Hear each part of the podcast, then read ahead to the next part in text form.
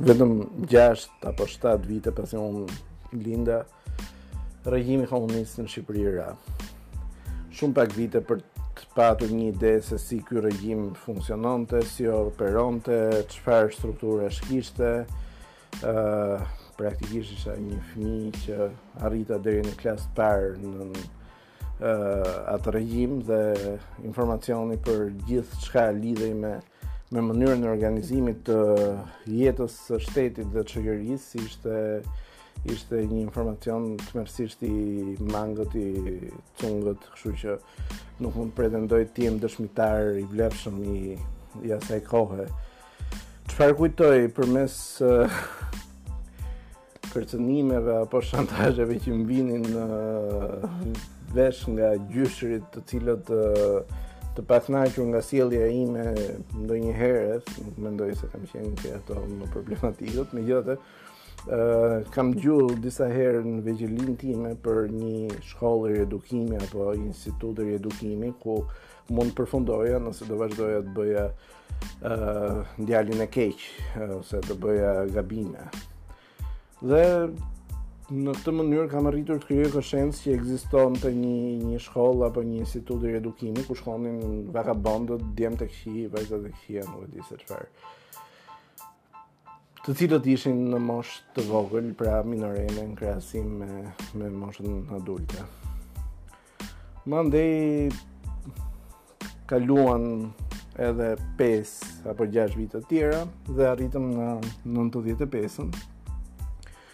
ku alibitë e mia për të justifikuar mosnjohjen e e shtetit apo funksionimit të tij, sidomos duke pas parasysh karakterin tim shumë të prirur për të qenë i përfshirë në jetën politike edhe pse isha 11 apo 12 vjeç, e kam pas pasion politikën, jo se isha i përfshirë në jetën politike, uh, më kujtohet ngjarja e famshme që bëri bujë në atë kohë, e një krimi tmerrësisht të ashpër, siç ishte ai i Libofshës së Fierit, ku dy vëllezër futen në një shpi dhe masakrojnë tre breza praktikisht, sepse ekzekutuan në një natë të vetme gjyshërit, prindët dhe fëmijët e vegjël të mitur, më se të mitur patjetër.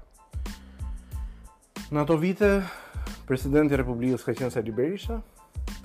Dënimi për këtë vepër kriminale dhe për këta kriminelë ishte vdekje. Ekzekutimi ishte me varje në litar.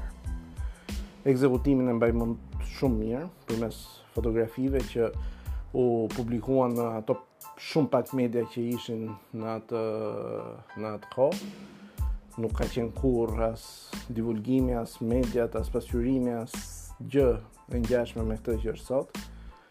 Por mbaj mend foton e këtyre dy vëllezërve të varur në mes qytetit me njerëzit përfshirë këtu dhe njerëz të të mitur, të cilët mund të kenë qenë prezent në skenën ku ku kishte ndodhur ekzekutimi i këtyre dy kriminelëve të varur në litar në mes qytetit, pra një ekzekutim i cili u u manifestua përmes kësaj forme dhe kjo duhet të ketë Duhet të ketë qenë aty në qytet e, e, e ekspozuar kjo kjo skenë për ndoshta 24 orë, nuk di të them se sa. Po duhet të ketë qenë për një periudhë relativisht të konsiderueshme.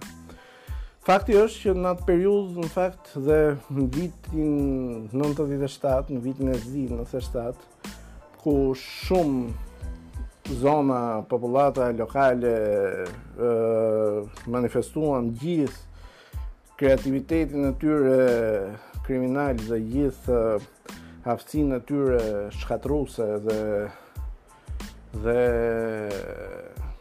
gjakatare.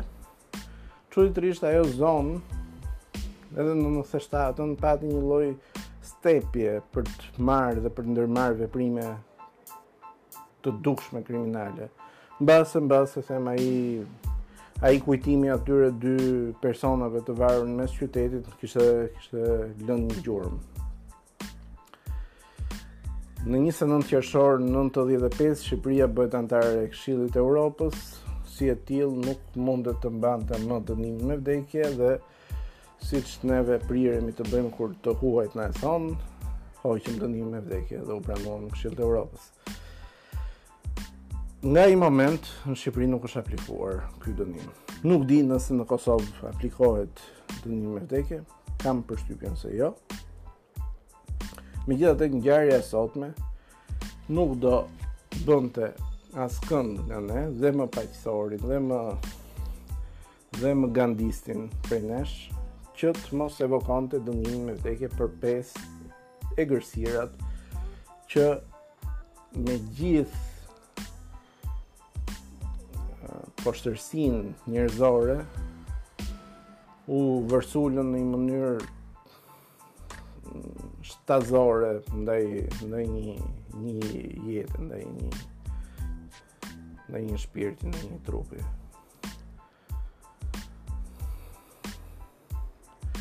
nuk mendoj se ka njeri sot që nuk thret për për aplikimin e dënimit me vdekje ose për tortura Që kalojnë kufijtë e çfarëdolloj imagjinate njerëzore përpara se të aplikojnë dënimin me vdekje.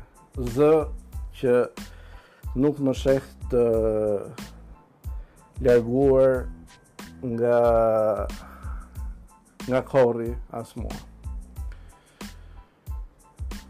Parimisht nuk jam pro dënimit me vdekje, sepse mendoj që çfarëdolloj dënimi tjetër ka mundësi apelimi, ky dënim nuk ka mundësi apelimi dhe në rastin e një dënimi të gabuar, ky dënim nuk ka mundësi apelimi. Dhe po të ecet me parimin që më mirë 100 kriminelë jashtë sesa një i pafajshëm i dënuar gabimisht, kjo përforcohet. Por përpara kësaj që ndodhi në Prishtinë, nuk mendoj se ka sot zëra pacifistë apo kundër kundër këtyre dënimeve ekstreme. Mendoj se ndaj këtij kontingjenti kriminal, i cili është në Kosovë, është në Shqipëri, është në Maqedoninë e Veriut, është në çdo trevë shqiptare, në çdo trevë italiane, franceze, kineze, australiane, austro-hungareze të botës, në çdo vis të botës ka kontingjent kriminal dhe ka një kontingjent kriminal i cili përkon pikërisht me një grupmoshë e cila është një nga grupmoshat më problematike në absolut, që është ajo e 13, 17 vjeçarëve, 15 vjeçarëve etj etj. Ku njeriu praktikisht përmes edhe sfazimit hormonal që i ndodh, fillon I afrohet shumë anës kafshërore të tij dhe nuk ka asnjë nga elementet e tjerë që e zbukurojnë njeriun, siç mund të jetë ana e tij spirituale, ana e tij fëminore, kur është i vogël, apo ana e tij e mençur e e pjekur, kur, kur, kur vitet shkojnë. Por është në, në kafshën më tipike, ose në aspektin më tipik kafshëror që mund të arrijë njeriu. Dhe pa diskutim që sjelljet kriminale kur ti je në kulmin e e ekspansionit tënd kafshëror ku kafsha brenda teje ka marr ë dominimin e, e qenies tënde nuk diskutohet që dhe aktet kriminale të jenë pjesë e kësaj agjende, madje pjesë e rëndësishme e kësaj agjende. Në Shqipëri para sa kohësh kishte një baby gang me 13 vjeçar, të cilët bënin krime të vazhdueshme, futeshin nëpër shpitë e njerëzve, realizonin vjedhje dhe policia i merrte, i mbante 24 orë brenda në rajon dhe i lëshonte, sepse ishte e detyruar t'i lëshonte. Dhe ata dilnin dhe prapë bënin veprën e radhës. Kuptohet, ishin kontingjent i shfrytëzuar nga tjetërkush, nga persona adultë, të cilët duke shfrytëzuar këtë mangësi të ligjit, jo hapësirë ligjit, po turp të ligjit, sepse ligji i Hoxhës e kishte rregulluar më së miri me ato shkollat e edukimit, ku ndoshta pasi ti hyje, mendoheshe dy herë nëse doje të rihyje. Sot ka një zbrazëti në këtë pjesë dhe këta personazhe, të cilët janë nga më të frikshmit, nga më të rrezikshmit, po t'i shohësh sytë e tyre, ti e kupton se se Përpara teje është një qenie monstruoze, këta janë imunë ndaj çdo lloj reagimi shtetëror. Zgjidhja e vetme është vetëgjyqësia, zgjidhje e cila është në modë, po ta vini re edhe në vendin tonë, nisur dhe nga deklaratat publike të funksionarëve të lartë.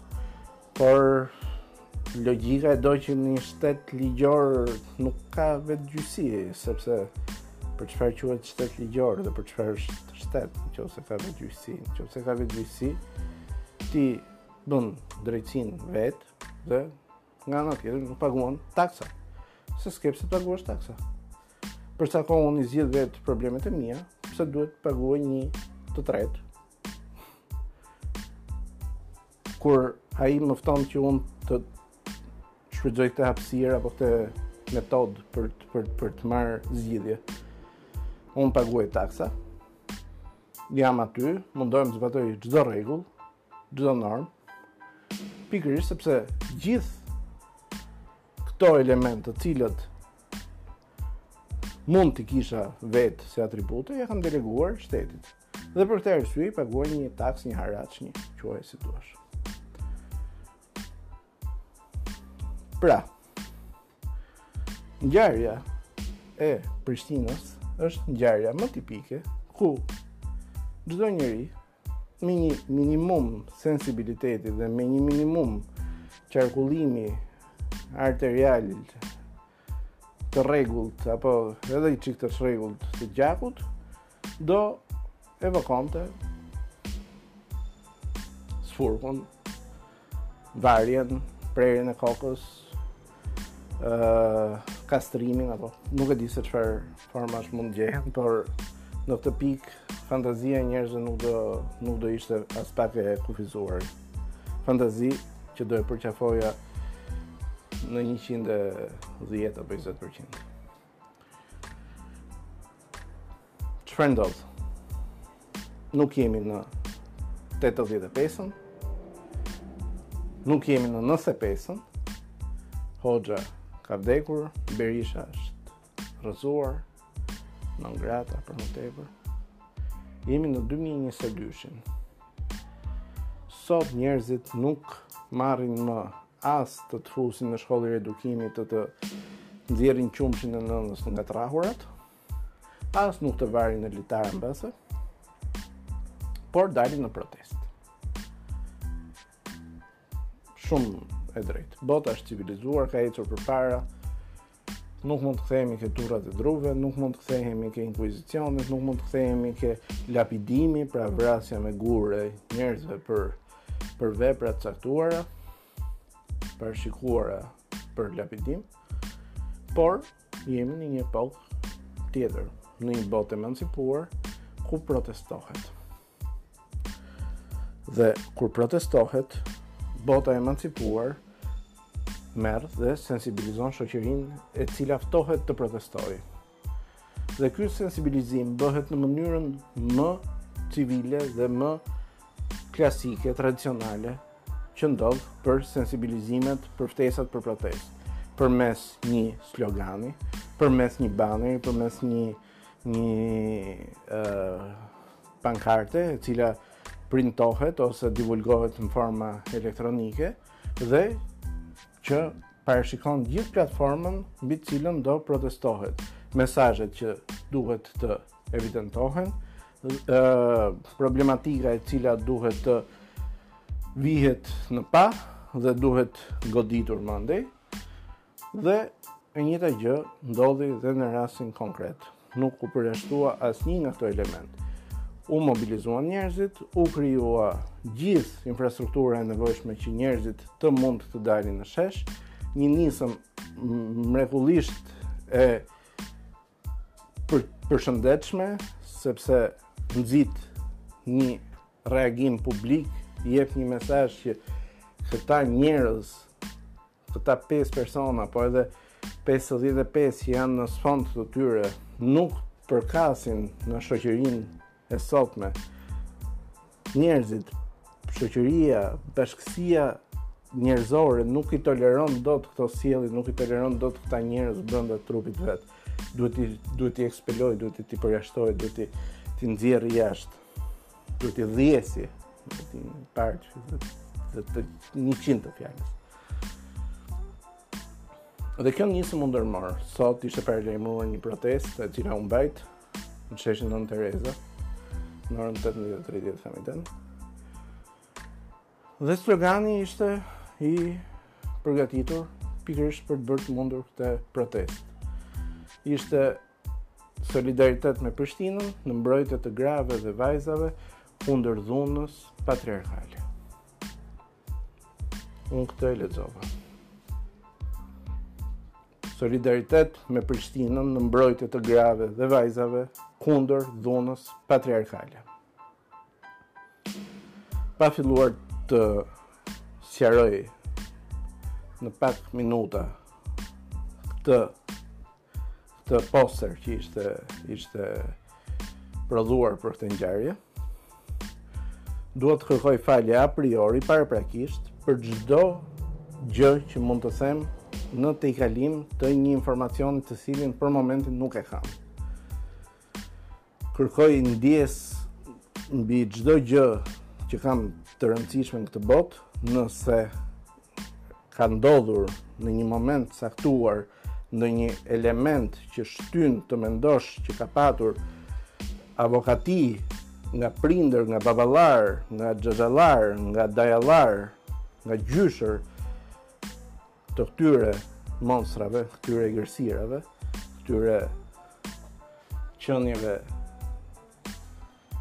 njerëzore të përçudnuara, nëse ka patur reagim të njërit prej këtyre eksponentëve në favor apo në mbrojtje apo në justifikim apo në çfarëdo lloj gjëje që të mund të përafrojë me me me shfajësimin apo me me e, kërkesën për t'i trajtuar minimalisht si qenie njerëzore këta monstra, atëherë unë kërkoj ndjesë për gjithsa mund të them në vazhdim.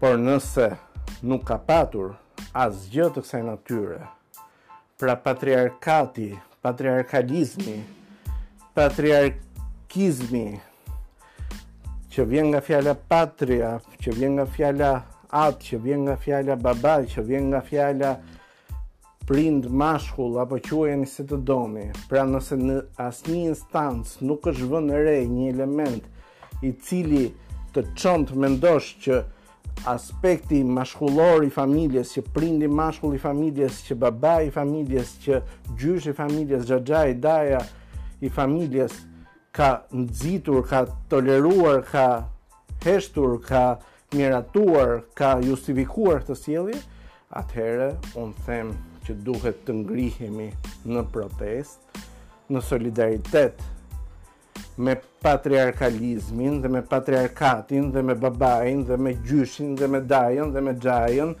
sepse asnjë nga këto figura nuk janë kriminelë. Dhe të ngrihemi në protestë, jo kundër këtyre, por pro këtyre, për të mbrojtur të drejtat e këtyre kundër një grupi më kriminal, më pervers, më egërsirë, më, më, më të pashpirt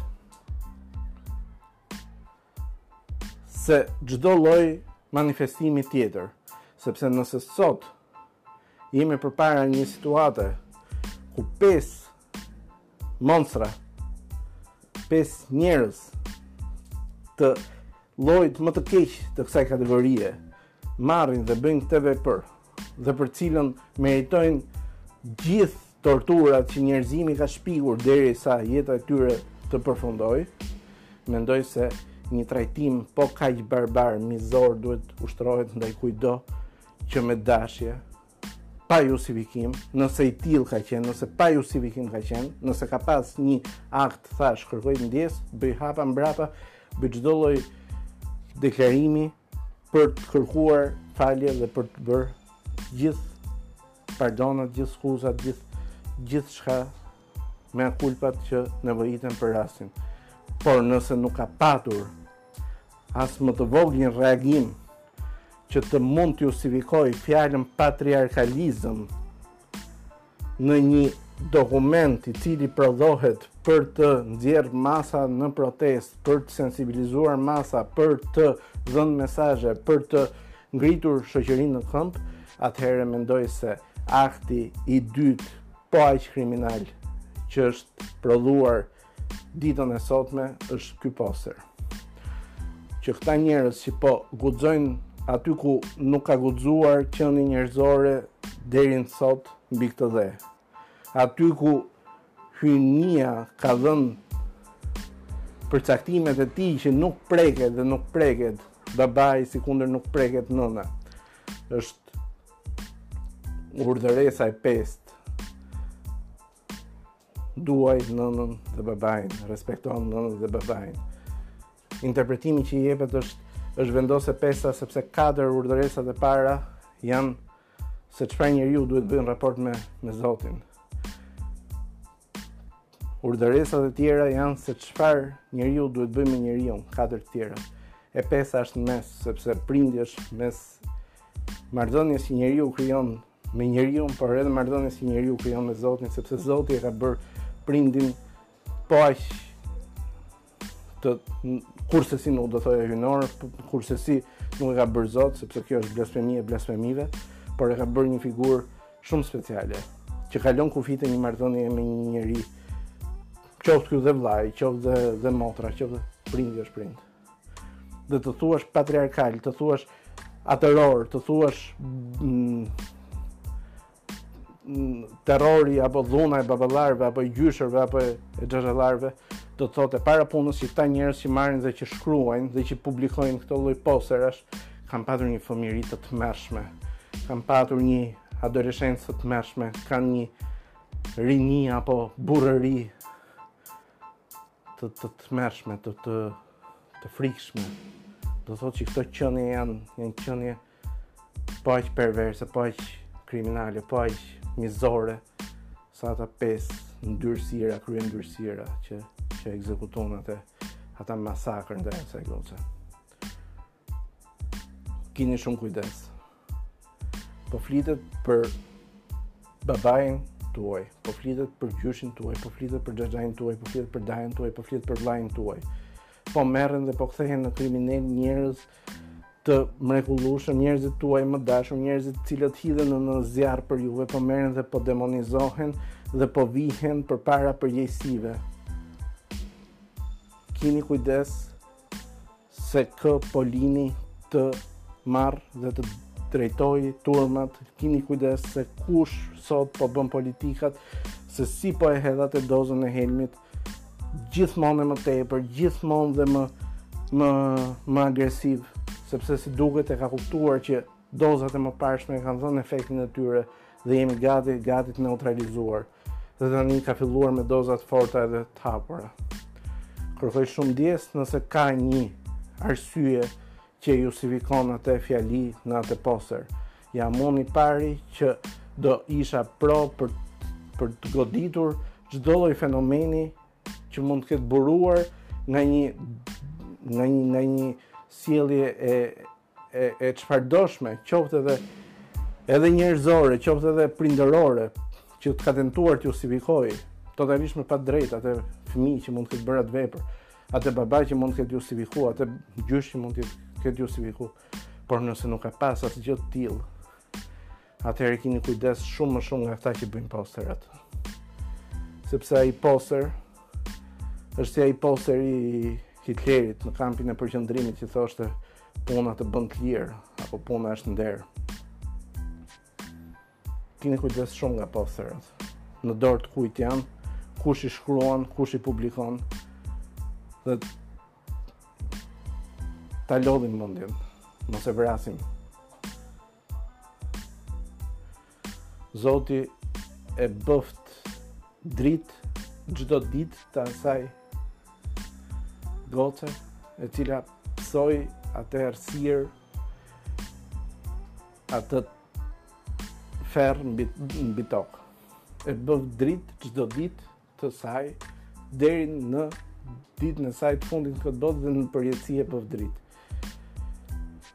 Sikundër errësira më, më e zezë, e keqja më e madhe mbuloftë, siç do i mbulojë ata pesë monstra, por edhe shumë të tjerë, por ndoshta dhe të tjerë që kanë qenë në sfond dhe kanë ndihmuar në prodhimin e këtyre, ndoshta dhe shtetet që i kanë leju këto njerëz të cilët kishin dhe precedent penal që të hyjnë e dalin prej burgu sepse paska një klauzolë apo paska parë një parashikim.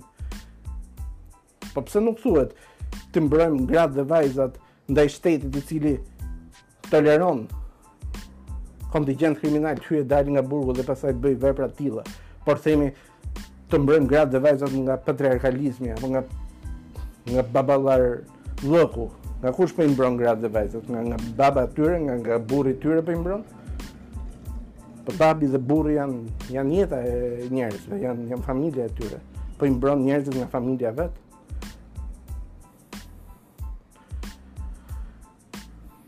Zot na fal.